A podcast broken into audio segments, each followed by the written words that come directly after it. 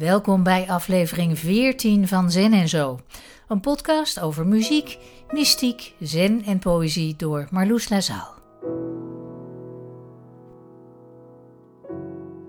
De laatste weken krijg ik weer fijne reacties van luisteraars via de website van Petje Af. En ik wil iedereen enorm bedanken voor de donaties die Zen en Zo mogelijk maken. Vandaag is mijn gast zenleraar en auteur Maurice Knechtel. Hij is de man achter Izen in Utrecht en schreef recent het boek Het afdalen van de berg. Ik spreek Maurice bij hem thuis in Utrecht. Nou, wat fijn Maurice. Ik ben nu bij jou in jouw woonkamer. En jouw microfoon staat op een doos met de legende van Andor. En daaronder Stratego. Ja. Ben je een spelletjesman? Helemaal niet. Nee, nee. Maar mijn kinderen die spelen heel graag uh, spelletjes. Dus uh, vandaar dat we een hele kast vol met spelletjes hebben staan. Maar ik ben uh, verreweg van een spelletjesman. Maar je doet wel mee dan? bij uitzondering. met frisse tegenzin? Eigenlijk het enige wat ik echt een leuk spel vind is Monopoly. Dus je komt niet echt helemaal aan je trekken eigenlijk thuis? Wat spelletjes betreft niet. Wat andere dingen betreft wel, ja. We gaan het hebben over jouw laatste boek, Het afdalen van de berg. Ik dacht gelijk, dat lijkt er toch van uit te gaan dat de lezer al op de berg is geweest. Dat zou je vermoeden, ja. Maar ik heb volgens mij in het begin van het boek ook gezegd dat uh, het afdalen van de berg kan ook eigenlijk al bij het begin van het pad uh, gebeuren. Als het voornemen is, zoals bijvoorbeeld in mijn geval was, om niet een kloostertraining bijvoorbeeld te volgen, maar echt een, uh, een weg te gaan in de samenleving, uh, hè, op je werk, te midden van het gezin, met je maatschappelijke verantwoordelijkheden. Als, als dat de intentie is, dan begint daar eigenlijk al het afdalen van de berg. En die top die kan dan wellicht onderweg nog komen, maar in wezen ben je al bezig met het hele proces van afdalen. Ja, want we, we zijn denk ik uh, allemaal redelijk vertrouwd met het idee dat de spirituele weg, als je het zo wil noemen, een weg naar boven is. Of dat je een berg opgaat. Of dat je uh, überhaupt de weg bent wellicht, ja, maar in ja. ieder geval in, in opwaartse richting gaat. Ja, het is eigenlijk, uh, het, het komt van een, um, eigenlijk een traditioneel beeld van het oude boeddhisme. Hè, waarbij werd gezegd dat hè, Boeddha de berg beklom, hè, op de top van de berg zijn inzicht kreeg. Hè, dus na die... Uh, Terwijl dat historisch natuurlijk helemaal niet waar was, want hij zat gewoon de oever van een rivier. Maar symbolisch gesproken, hè, zegt men, hij ging naar de top van de berg, kreeg daar zijn realisatie. Heeft toen enige tijd gewacht en is toen op een gegeven ogenblik uh, op uh, aanraden van een of andere Brahmaan, geloof ik, is hij met zijn afdaling uh, begonnen. En het afdalen is, was ook hier, in, in dit verhaal, hè, was het ook de de integratie van dat inzicht hè, in zijn dagelijks leven. En daar heeft hij 40 jaar tot aan zijn dood uh, heeft hij daarover gedaan. Dus het hele beeld van hè, op de berg zijn hè, en daar in feite in een staat van licht verkeren en een staat van onbeperktheid. Hè, en dan vervolgens de afdaling aangaan en dan eigenlijk dat onbeperkte toetsen aan alle beperkingen van het dagelijks bestaan. En dat licht toetsen aan alle verduisteringen van de liefde en het geneuzel uh, beneden. Hè, in het uh, ondermaans, om het zo maar te zeggen. En dat beeld komt van het klassieke boeddhisme af. Hè. En eigenlijk zou je kunnen zeggen, is het, het boek, hè, Het Afdalen van de Berg, is eigenlijk het boek over de Bodhisattva. Zoals in wezen alle hè, Mahayana, de grote voertuigsutra's, over de Bodhisattva gaan. En de bodhisattva is eigenlijk dat rare wezen dat eigenlijk tegelijkertijd op de top van de berg verblijft en toch bezig is met zijn afdaling. Je zou kunnen zeggen, de bodhisattva is een soort van paradoxaal dubbelwezen. Mag ik je heel even ja, onderbreken? Het is heel grappig. Je hoort de hond snurken. Ja, ik hoor de hond heel hard snurken. ja, ja, ja. Want naast jou ligt uh, ook best een grote hond. Ja, Hoe heet hij eigenlijk? Heet Johnny J. Johnson. En Oh, de J wauw. staat voor Johansson. En het is een uh, Roemeense uh, zwerfhond die we hebben geadopteerd uh, in de leeftijd van drie maanden.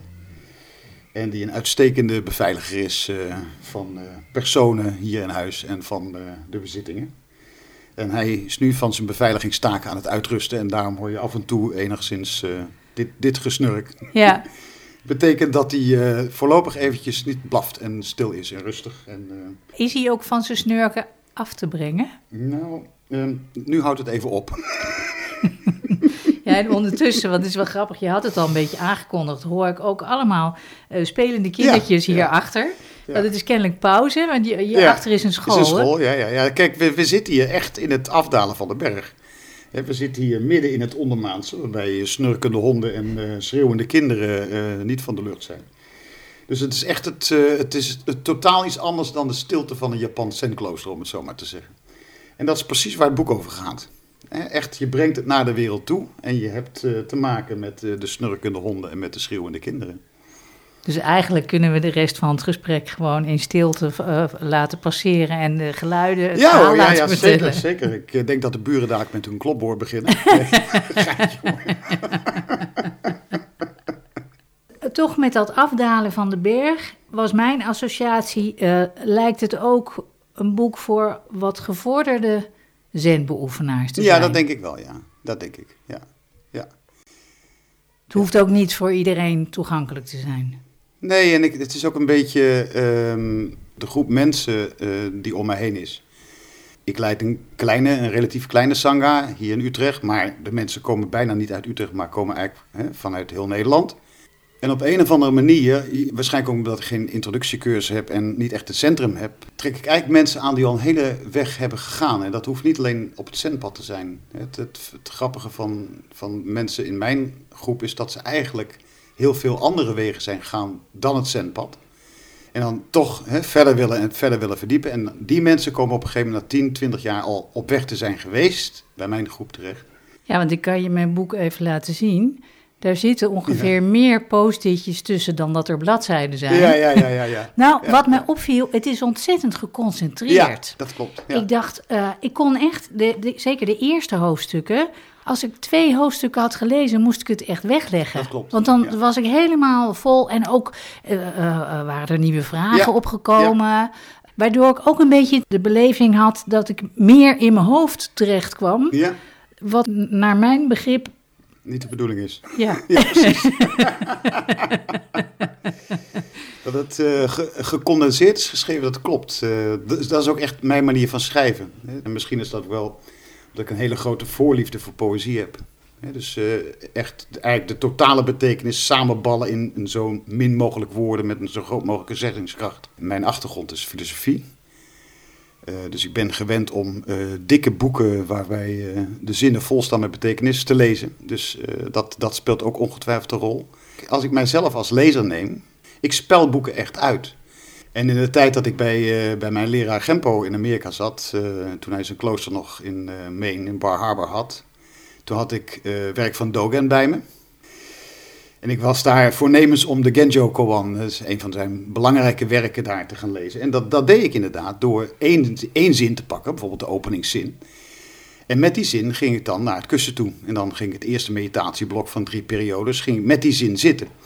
En als ik dan terugkwam, dan schreef ik eh, van alles en nog wat wat er in mijn hoofd opkwam, schreef ik dan op wat er uit die meditatie omhoog was gekomen.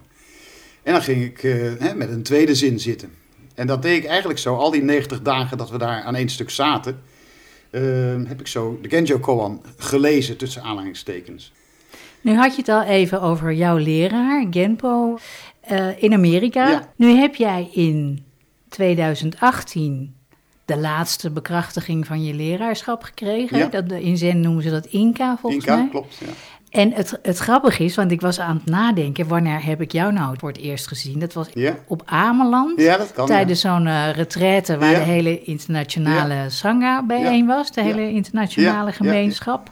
En ik weet nog dat jij was toen Yisha, Ja, de assistent van Ja, Gempo. ja. En ik zal nooit vergeten, ik zag jou dan 's ochtends vroeg, wat was het, zeven uur of, of eerder nog, zes, eh, die hele grote zendo inlopen, achter Gempo aan. Het was nog donker.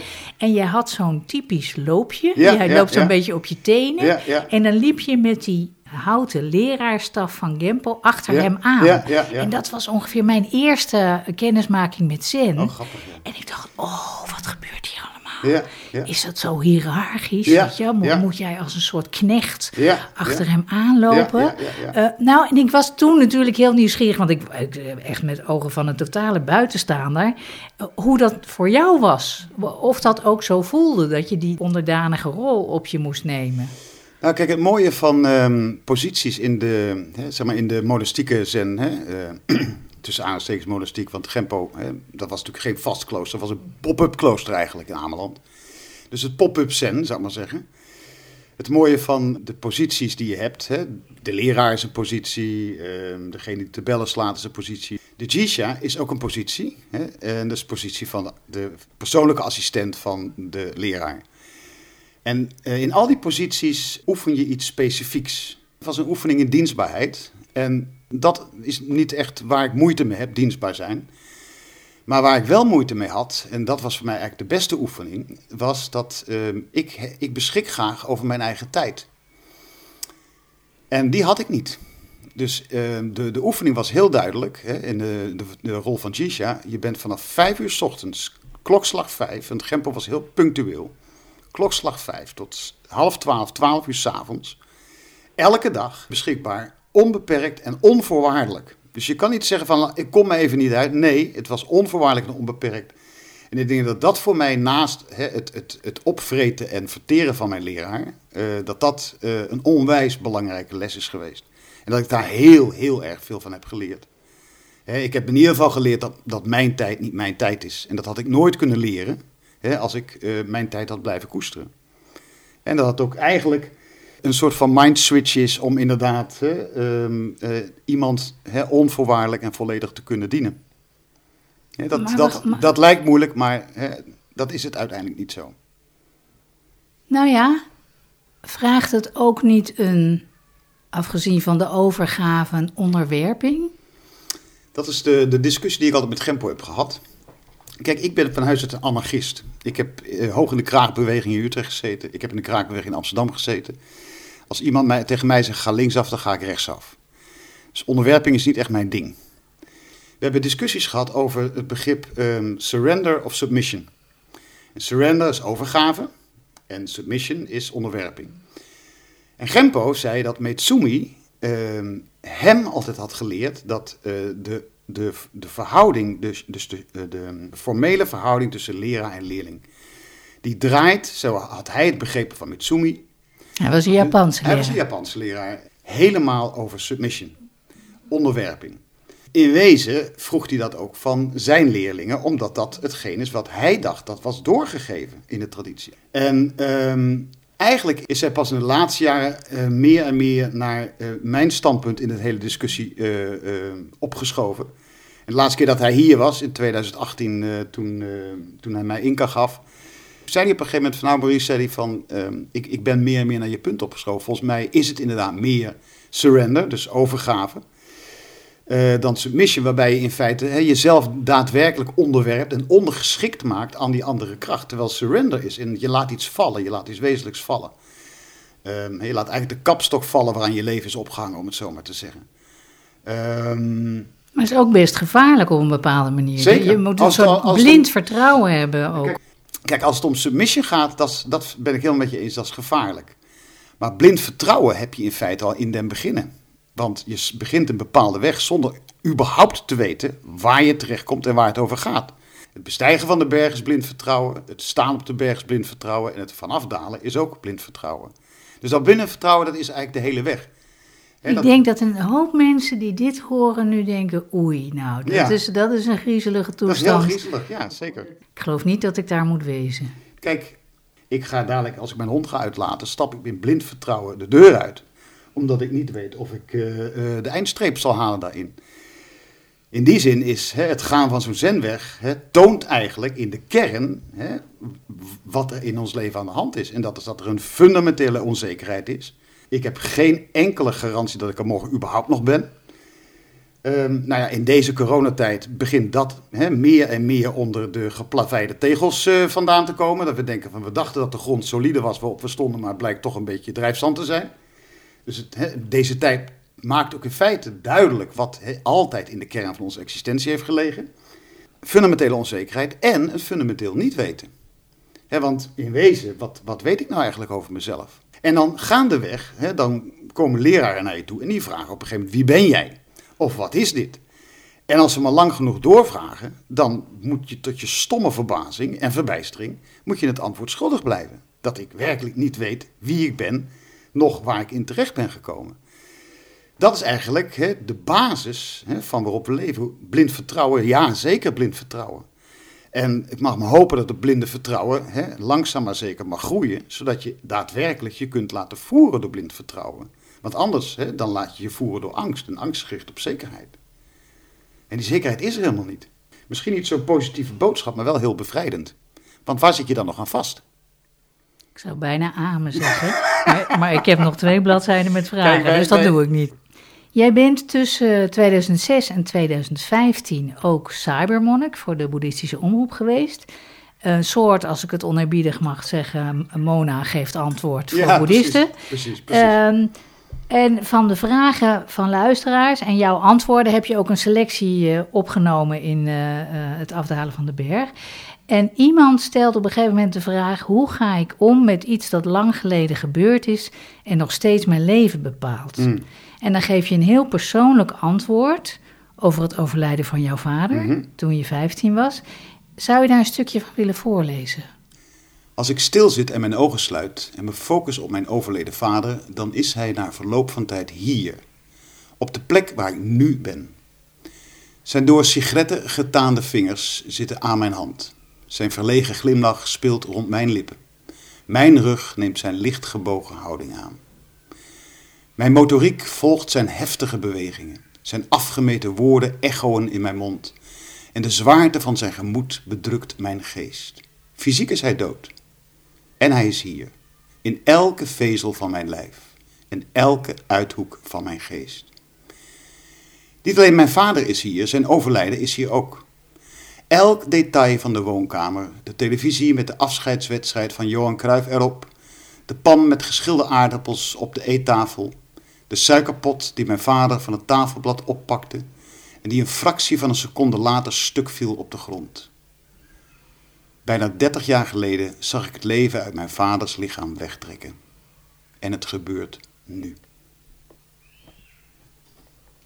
Dat is heel intens. Ja. En een hele intense herinnering. Ja. Dat je alle details ja. precies zo weet. Ja, dat is ook zo. Want hoe oud was je toen? 15. Ik weet inderdaad, ik weet, weet elk detail van, de, van die avond, weet ik nog. Nou ja, het is precies zoals het daar beschreven is, zo is het ook gebeurd. Het was de afscheidswedstrijd van Johan Cruijff. En de wedstrijd was, uh, denk ik, nog, uh, was nog niet eens begonnen. Of, uh, en ik zat met mijn broertje op de bank en mijn moeder was boven. En mijn vader die had de aardappels geschild zoals elke avond. En die wilde ze wegbrengen naar de keuken. Dus die geschilde aardappels in een vergiet. En als door een bijl omgehakt valt hij neer. Echt gewoon, nou, een beetje voor mijn voeten. Dus hij valt echt gewoon de kamer in. En ehm, ik heb hem op de bank gelegd en heb mijn moeder geroepen. En mijn moeder is toen naar beneden gekomen, heeft mijn broertje meegenomen. Dus, uh, heeft de politie gebeld, dus de ambulance gebeld. Maar eigenlijk, heeft, ik heb toen mijn vaders hoofd op mijn schoot gelegd. Hè, en eigenlijk uh, overleed hij in mijn handen. Ik, ik, heb echt zijn leven eruit zien wegtrekken. En toen de ziekenwagen kwam, toen hebben ze nog wel het een en ander voor de show gedaan, zou ik maar zeggen. Maar uiteindelijk was het al gebeurd. En die ervaring van het, het wegzien trekken van het leven uit hem, die ervaring heeft mij echt op de weg gezet. Het, het is natuurlijk een samengebalde mengeling van, van een, echt een, een, een kermis van emoties. Waarbij aan de ene kant natuurlijk hè, het, nou ja, gewoon het feit dat iemand dood neervalt, hè, wat, de, de, de paniek en uh, uh, de angst. Maar ook, ik was ook echt ik zag ook echt een, een wonder raar genoeg daar. Ik vond het dat wegtreden. Ik, ik denk, wat, wat is dit? Wat gebeurt hier? Dat, dat het leven wegtrekt. Ik had hetzelfde later natuurlijk bij de geboorte van mijn kinderen, waar ik met mijn neus op stond. Natuurlijk ook zo'n moment waarop je denkt: van wat, wat is dit? van, van hoe, hoe, hoe kan dit? Wat is hier gaande? Die vraag. die, dus het was niet alleen de, de, de paniek. Eigenlijk was ik best wel rustig in wezen. En het, het, de, de tragiek en de urgentie van wat er gebeurde. Maar het was ook uh, een, echt een, een, verpletterende verwondering. En die verwondering heeft mij nooit meer losgelaten. Terwijl, en natuurlijk, dan denk je van waar begint een weg? Als ik zo naar mijn eigen weg kijk, hè, ik, uh, ik, ik ben katholiek opgevoed. Uh, ik ben misdienaar geweest toen ik twaalf was. En toen ik twaalf was, heb ik mijn pastor heb ik knettergek gemaakt door voortdurend te vragen, wat is God? Nou, hoe komt iemand op zo'n vraag? Ik heb ik gewoon niet, geen idee eigenlijk, maar die vraag had ik. Dus ik heb hem voortdurend gevraagd, wat is God? Wat is God? Op een gegeven moment was hij het zo zat dat hij op een gegeven moment zei, God is liefde. Waardoor ik naar huis ging en begon te kauwen op dat woord. Heb je het alweer? Net zoals ik nu mijn boeken schrijf. Kauwen, liefde, liefde, liefde. Wat is in godsnaam liefde? Dus ik weer terug naar de pastor en vraag, wat is liefde? En toen zei hij een zin wat voor mij eh, eigenlijk het afscheid betekende van het katholieke instituut, om het zo maar te zeggen. Niet... Toen zei hij, dat zul je wel te weten komen als je later oud bent. Voor zo'n agent vraag had ik van, als jij het nu niet kan vertellen, dan hoef ik überhaupt jouw kerk niet meer eh, te hebben als een toevluchtsoord. En toen ben ik inderdaad weggegaan bij eh, de pastor en heb mijn, mijn ambt als misdienaar neergelegd. Maar die vraag werd echt ontmanteld, zou ik maar bijna zeggen, en werd uh, nou, letterlijk tot leven geboost op het moment dat mijn vader overleed in mijn handen. En ik dat leven zag wegtrekken en denk, wat is dit? En die vraag is er tot op dit moment van de dag. Echt, die vraag heeft me nooit meer losgelaten. Maar behalve de vraag was er, neem ik aan, ook verdriet en, en, en angst. En... Ja, kijk, ehm, ik heb een, in die zin een hele aparte jeugd gehad. dus um, mijn vader was een zwaar depressieve man met uh, driftbuien. En ik was de gelukkige die de boel mocht ontvangen. dus uh, ik heb een, een vrij heftige jeugd gehad met mijn vader samen. Het rare was, van het was op dat moment... Ik weet nog dat ik een half jaar daarvoor was de eerste keer dat ik echt opstond tegen mijn vader. Dat, dat was toen hij de pop van mijn broer, die was vijf jaar jonger, uh, kapot sloeg tegen de rand van het bed in een van zijn woedeaanvallen. En ik wist dat het zijn meest geliefde pop was, Big Jim. En uh, die kop sprong eraf en de armen die vlogen alle kanten op. En dat was zo'n ding waar je armen van kon bewegen heen en weer. En ik heb hem toen een trap tegen zijn scheenbeen gegeven. Daar zat echt alle woede die was opgebouwd van die laatste 14 jaar zat daarin. Vanaf dat moment heeft hij mij met geen vinger meer aangeraakt. En dat was eigenlijk was dat ook het begin van zijn uh, neergang nog, nog verder uh, dan dat hij al neer was gegaan, om het zo maar te zeggen. En ik heb in die tijd tegen mijn moeder gezegd: Als wij niet weggaan hier, dan ga ik hem iets aandoen. Ik weet het zeker. Als hij nog één keer zoiets aan mijn broer doet, maak ik hem dood. En ik wist het echt zeker. Ik was er helemaal klaar mee. Uh, maar mijn moeder had een angststoornis. Dus die wilde überhaupt geen kant op. Die, die was niet in beweging te krijgen. Die ging ook nooit voor mij staan, bijvoorbeeld. Dus daar, daar had ik wat dat betreft niet veel aan. Dus toen hij doodging, toen was aan de ene kant de schrik. Hè, en was er, nou, hè, dat, zekere zin de angst, maar eigenlijk dat viel best wel mee, want ik had meer angst toen hij leefde. Um, en was er een hele grote opluchting. En was er die verwondering, die, die, die, enorme verwondering. Daarom zei ik, het was echt een, een, een kaleidoscoop aan emoties. Maar er was ook een hele grote bevrijding. Maar ik wist ook, het is voorbij. En het is krankzinnig om het te zeggen, hè, dat uh, het overlijden van je vader een moment is waarop je zegt, nou, godzijdank, het is voorbij, deze ellende, om het zo maar te zeggen. Maar dat was wel het gevoel op dat moment. Kijk, en daarna, uh, daarna krijg je de, een krankzinnige situatie waarop mijn moeder uh, eigenlijk helemaal super labiel wordt en voortdurend gekhuis in, gekhuis uit gaat ik met een broertje van 10 zit en ik ben 15 jaar. En met een voogd waarmee ik überhaupt niks heb. Dat is een man die alleen maar grappen over zijn vakantie in Frankrijk loopt te maken. Hij is dood, dus ik kan het zeggen. Dus ik zat in een situatie waarbij ik eh, nog niet eens in de puberteit zijnde de rol van de vader kreeg toebedeeld. De zorg voor mijn broer op me dan naar school ging op dat moment. Uh, en thuis eigenlijk, nou ja, gewoon de vaderrol innam. En ook mijn moeder in wezen moest ondersteunen. Want ik deed de belastingaangifte, ik deed de verzekeringen, et cetera. Dus uh, dat was de situatie vanaf 15.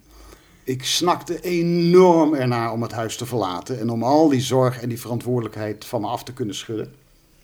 Dat was mijn beweging om de kraakbeweging in te gaan in Utrecht. Naast dat ik ook echt lid van de politieke denktank was. Dat heb ik gedaan toen ik 18 was. En uh, vanaf, vanaf dat moment, hè, vanaf mijn 18e, toen ben ik echt met de verwerking van de periode met mijn vader begonnen. En daarin heeft het schrijven enorm veel gedaan. Hè. Ik heb eindeloos situaties beschreven, daar weer ingedoken. Het is eigenlijk een soort van regressietherapie, maar dan voor schrijvers, om het zo maar te zeggen. Heb daarna alles weggeflikkerd, want het had niets met, met wie dan ook te maken, behalve met mij. En heb daarin, ik denk tot mijn 24ste, je zou kunnen zeggen, dat, dat heeft me um, schoongemaakt in een proces naar vergeving van hem toe, die uiteindelijk ongelooflijk bepalend en bevrijdend is geweest. En die vergeving die kwam op het moment dat ik aan het schrijven was, en al jaren aan het schrijven was, en ik kwam op een gegeven moment tot het punt dat ik mijn vader werd. In het schrijven. Dus ik, ik zoals het bij schrijvers gaat. Op een gegeven moment dan zit je in de hoofdpersoon Maurice, maar op een gegeven moment zit je in de, in de, in de tegenkarakter, mijn vader. Dus op een gegeven moment zat ik, schrijvenderwijs, raakte ik verloren in het tegenkarakter van mijn vader en zat ik dus naar Maurice te kijken. En uh, omdat ik haast onbewust dat hele schrijfproces volgde, heb ik dagenlang in mijn vaders huid rondgelopen. En gezien dat gezin en, en, uh, nou ja, en zijn geschiedenis en, en zijn kinderen en zijn vrouw.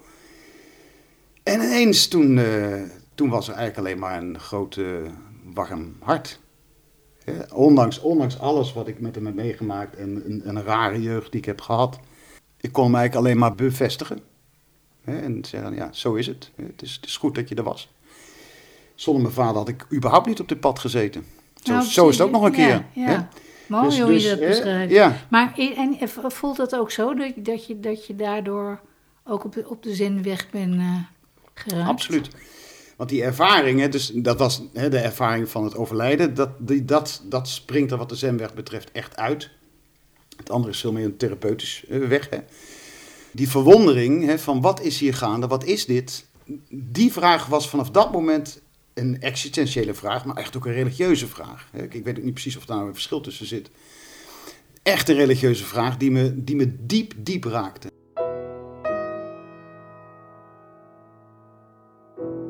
Ik vraag Maurice of hij de laatste strofe van het fragment over zijn vader wil voorlezen. Wat lang geleden in mijn leven is gebeurd, is hier en nu. Ik probeer er niet mee om te gaan, het is er.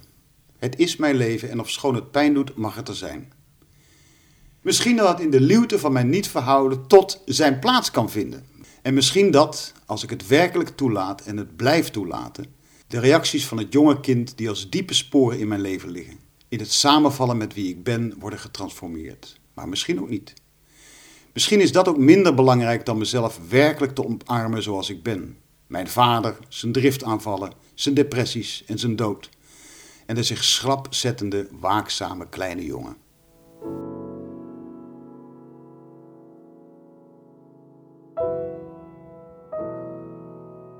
Dus misschien is het transformeren minder belangrijk dan het me werkelijk omarmen zoals ik ben. En zo is het. dat is een van de illusies die ik heb moeten laten vallen op het pad. Dat ik dacht van nou, er valt nog best wel het een en ander te sleutelen en te transformeren. Maar daar ben ik door schade en schande en door heel veel oefenen en, uh, en uitproberen en nog een keer uitproberen, ben ik daar inderdaad op een gegeven moment toch tot een inzicht gekomen dat ik maar beter kan omarmen wie ik ben.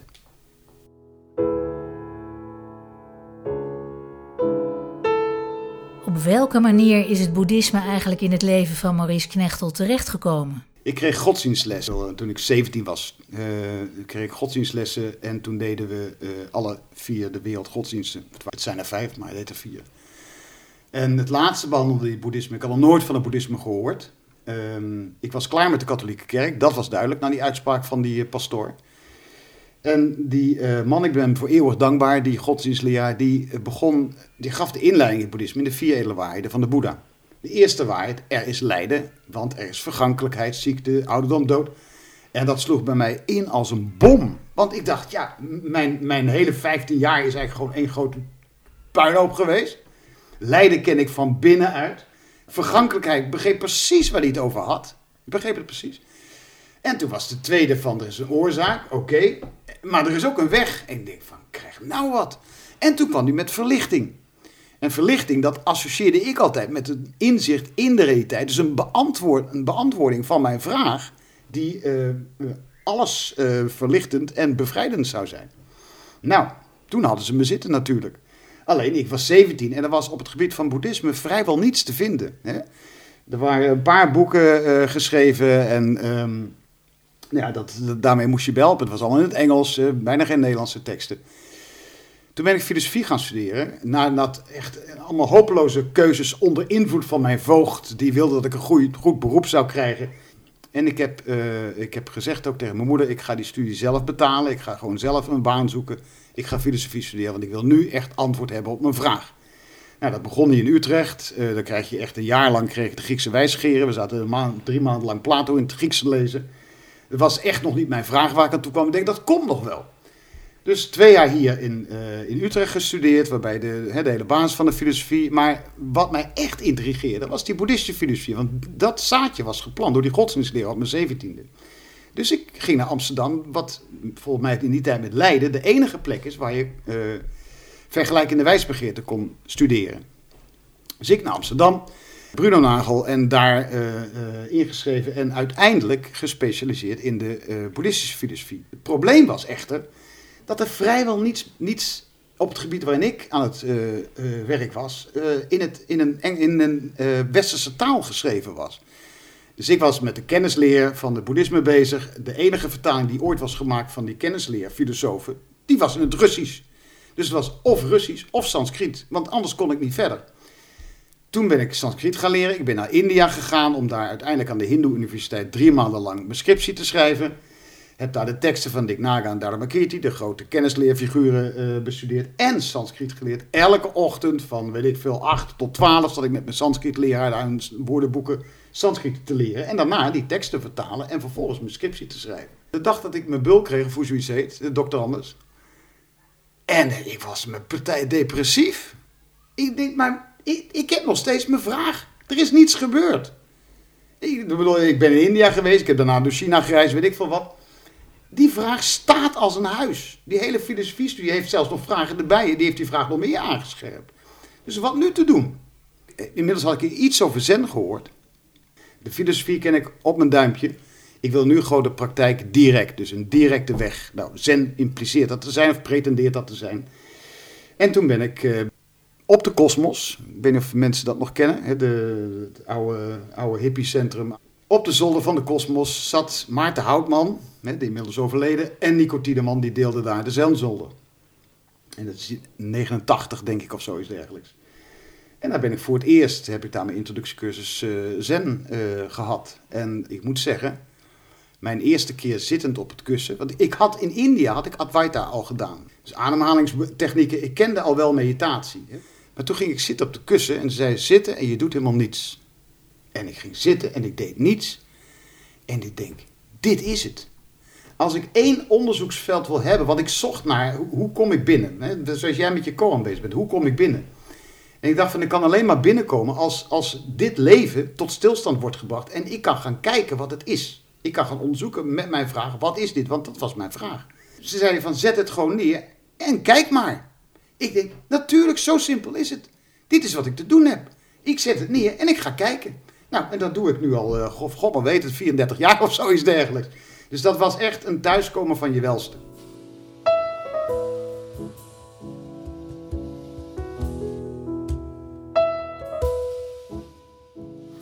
Ik wil even uh, eigenlijk bijna terug naar het begin. Je had het net even over aandacht.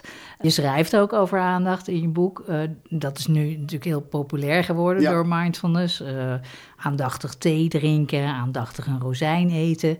Uh, mensen te zeggen tegenwoordig ook overal, zelfs op Radio 1 hoorde ik het gisteren, even helemaal zen zijn. Ja, ja, ja. ja.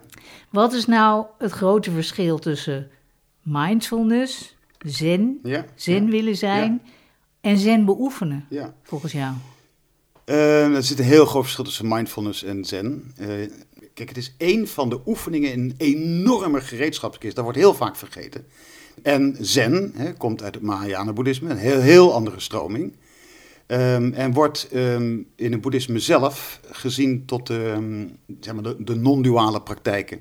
Mindfulness wordt gezien als een concentratietechniek, hè, een concentratieoefening. Zen wordt in het hele scala van boeddhistische meditatie gezien als een absorptieoefening. Dat wil zeggen, je verdwijnt. Je vergeet jezelf.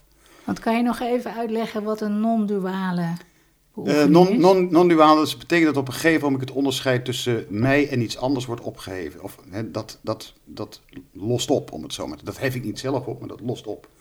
En dat lost op in wezen in mijn fysiek aanwezig zijn, zou je kunnen zeggen. He, daar op een gegeven moment, nou ja, zoals je bijvoorbeeld aan het dansen bent. He, je begint ben je nog bezig met je voeten, met hoe je eruit ziet en met de anderen in de zaal. Op een gegeven moment ben je lekker aan het dansen en vergeet je jezelf. En is er eigenlijk alleen maar de activiteit van het dansen. Of uh, je bent aan het musiceren hè, en uh, je bent eerst nog bezig met je partituur, weet ik veel wat. Op een gegeven moment ben je echt hè, in die flow van het musiceren en vergeet je jezelf en is er alleen maar het instrument dat zichzelf bespeelt eigenlijk. Dus het is voor iedereen een herkenbaar iets, hè? sporten, idem dito.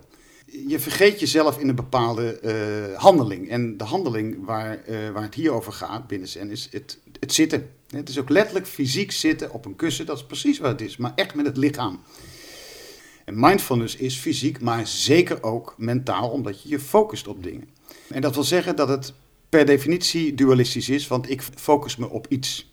dus ik, ik, ik heb aandacht voor mijn ademhaling. Ik en ademhaling. Ik heb aandacht voor de rozijn waar jij het over had. Ik en de rozijn. Ik heb aandacht voor het wassen van eh, de kopjes. Ik heb aandacht voor het theezetten, et cetera. Bij Zen uh, gaat het om het lichaam en gaat het eigenlijk om uh, het samenvallen met de fysieke activiteit dus er wordt geen onderscheid meer gemaakt tussen mij en de rozijn, tussen mij en het thee zetten en tussen mij en de ademhaling. Er is alleen maar ademhaling, punt. En dan, en, maar dit zijn allemaal, dit is, dit, dit, is nou, kijk, die hond is nou echt zen. Kijk, als wij, wij mensen, zouden wel onze ademhaling gaan tellen, maar die hond is gewoon zijn ademhaling. He, dus of een hond Boeddha natuur heeft, is hiermee uh, beantwoord, die koan.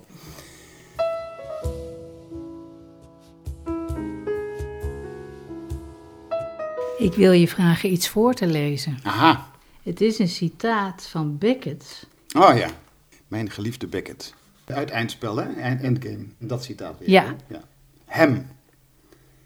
Vannacht heb ik in mijn borst gekeken. Er zat een grote wond in. Klof. Je hebt je hart gezien. Hem. Het leefde. Klof. Klof. Ja. Hem. Wat gebeurt er? Klof. Iets gaat zijn gang. Ja, prachtig vind ik dat. Iets gaat zijn iets gang. Gaat zijn gang ja. Die zinsnede, iets gaat zijn gang, die heb ik echt van Beckett geleend om eigenlijk mee aan te duiden hè, wat, wat voor mij de kern is van, uh, van de Dharma. Hè. Iets gaat zijn gang en ik ben het niet. ja, precies. Want je schrijft precies. daarbij: een van de grote dwalingen in ons leven is dat we denken dat ik, ik het doe. Precies, precies. En dat als ik het niet doe, er niets gebeurt. Precies, precies. precies. Maar waar, waar zit dat misverstand precies? Dat misverstand is, dat, uh, is eigenlijk um, dat uh, ons ik, ons ego, hè, zich van alles toe-eigent. En eigenlijk hè, dat al naar iedere reflectie van het bewustzijn doet. dus je hoort bijvoorbeeld de hond, hoor je snurken. De beweging in ons bewustzijn is, een hond snurkt. Vervolgens komt dat hele dualisme erbij van ik hoor die hond en dan krijg je een oordeel. Wat vervelend of kan hij niet zachter zijn of weet ik veel wat. Maar het ik hoor de hond snurken, dat is eigenlijk al een toe-eigening van hetgeen wat daarvoor gebeurt. Maar wat daarvoor gebeurt is überhaupt geen ik die hoort. Er is gewoon dit. Precies dat. Precies dat is het. Er komt geen hond aan te pas. Er is ook geen snurk en ook geen ik. Dat is de ervaring precies zoals die is.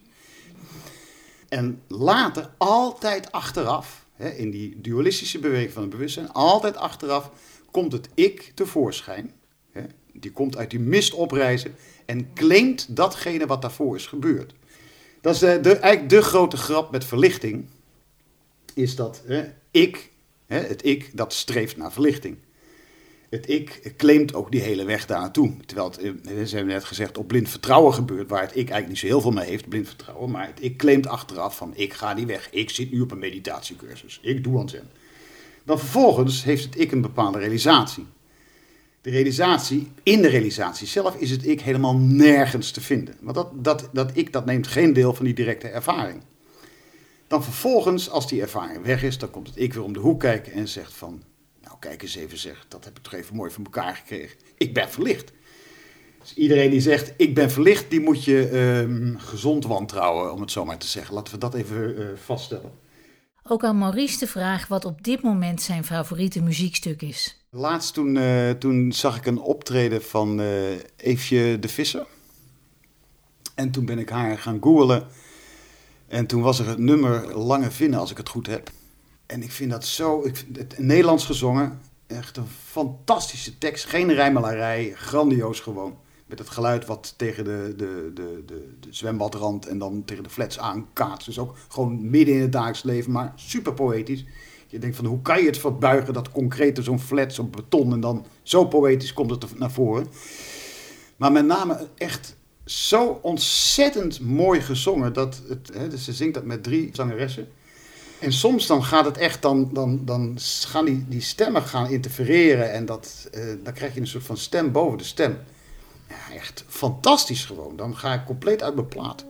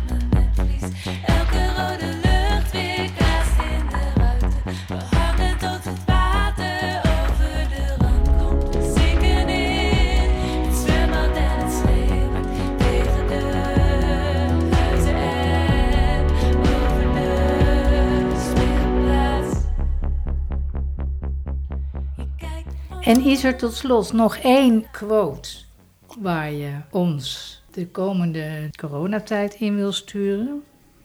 Iets gaat zijn gang. Nou ja, weet je, dit is natuurlijk een hele interessante tijd, omdat eigenlijk de meest wezenlijke dingen, hè, wat, als het om onze existentie gaat, komen in deze tijd boven.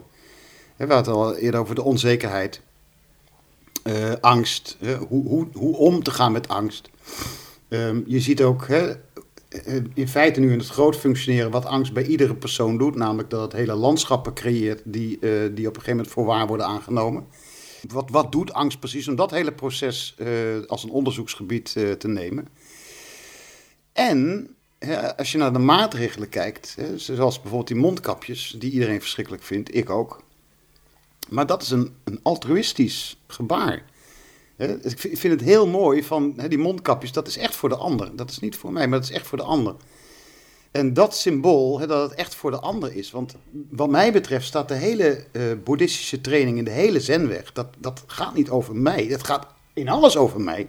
Maar het is voor de ander. Het is iets wat ik alleen maar kan delen met anderen. En überhaupt anderen zijn eerder dan ik. Dat is mijn ervaring. Dus ik vind dat soort regels als die mondkapjes, maar ook de anderhalve meter, het zorgen voor elkaar, ook als het mezelf in zogenaamd mijn vrijheid belemmert en me op allerlei manieren beperkt, hè, dat de zorg voor de ander op zo'n manier zo zichtbaar is, dat vind ik heel erg belangrijk in deze tijd. En ik zou zeggen van, eh, kijk daar goed naar en beoefen het. Het is ook echt een tijd van, als je het hebt over mindfulness, aandacht. Hè. We moeten aandachtig zijn voor hoe we ons in de ruimte bewegen. Nou, hoe, hoe wil je het hebben? Elke ruimte die we binnenkomen, moeten we kijken, wat is de bewegwijzering? En hè, hou ik wel voldoende afstand? Fantastisch, zou ik zeggen. De, in wezen is het gewoon één grote boeddhistische oefening.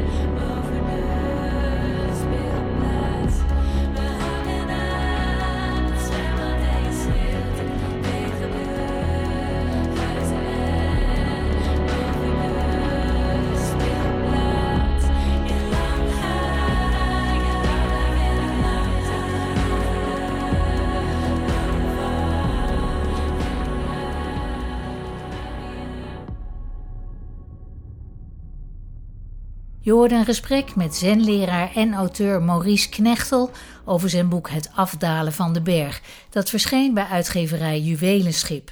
Zijn centrum voor integrale zen is beter bekend onder izen.nl. Mijn naam is Marloes Lazaal en als je het een interessant gesprek vond, geef dan zoveel mogelijk sterretjes in je podcast-app, zodat nieuwe luisteraars ons makkelijker kunnen vinden. En als je een kleine bijdrage in de kosten wilt geven, is er een doneerknop voor Zen en Zo bij Petje Af. Petje Af slash Zen en Zo. Mailen kan naar info.marloeslazal.nl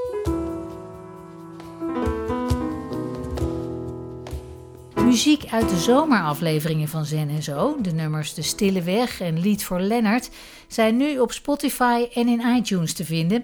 En er komen nog steeds nieuwe liedjes bij, zoals recent Poes Poes over een prachtige zwarte zenkat.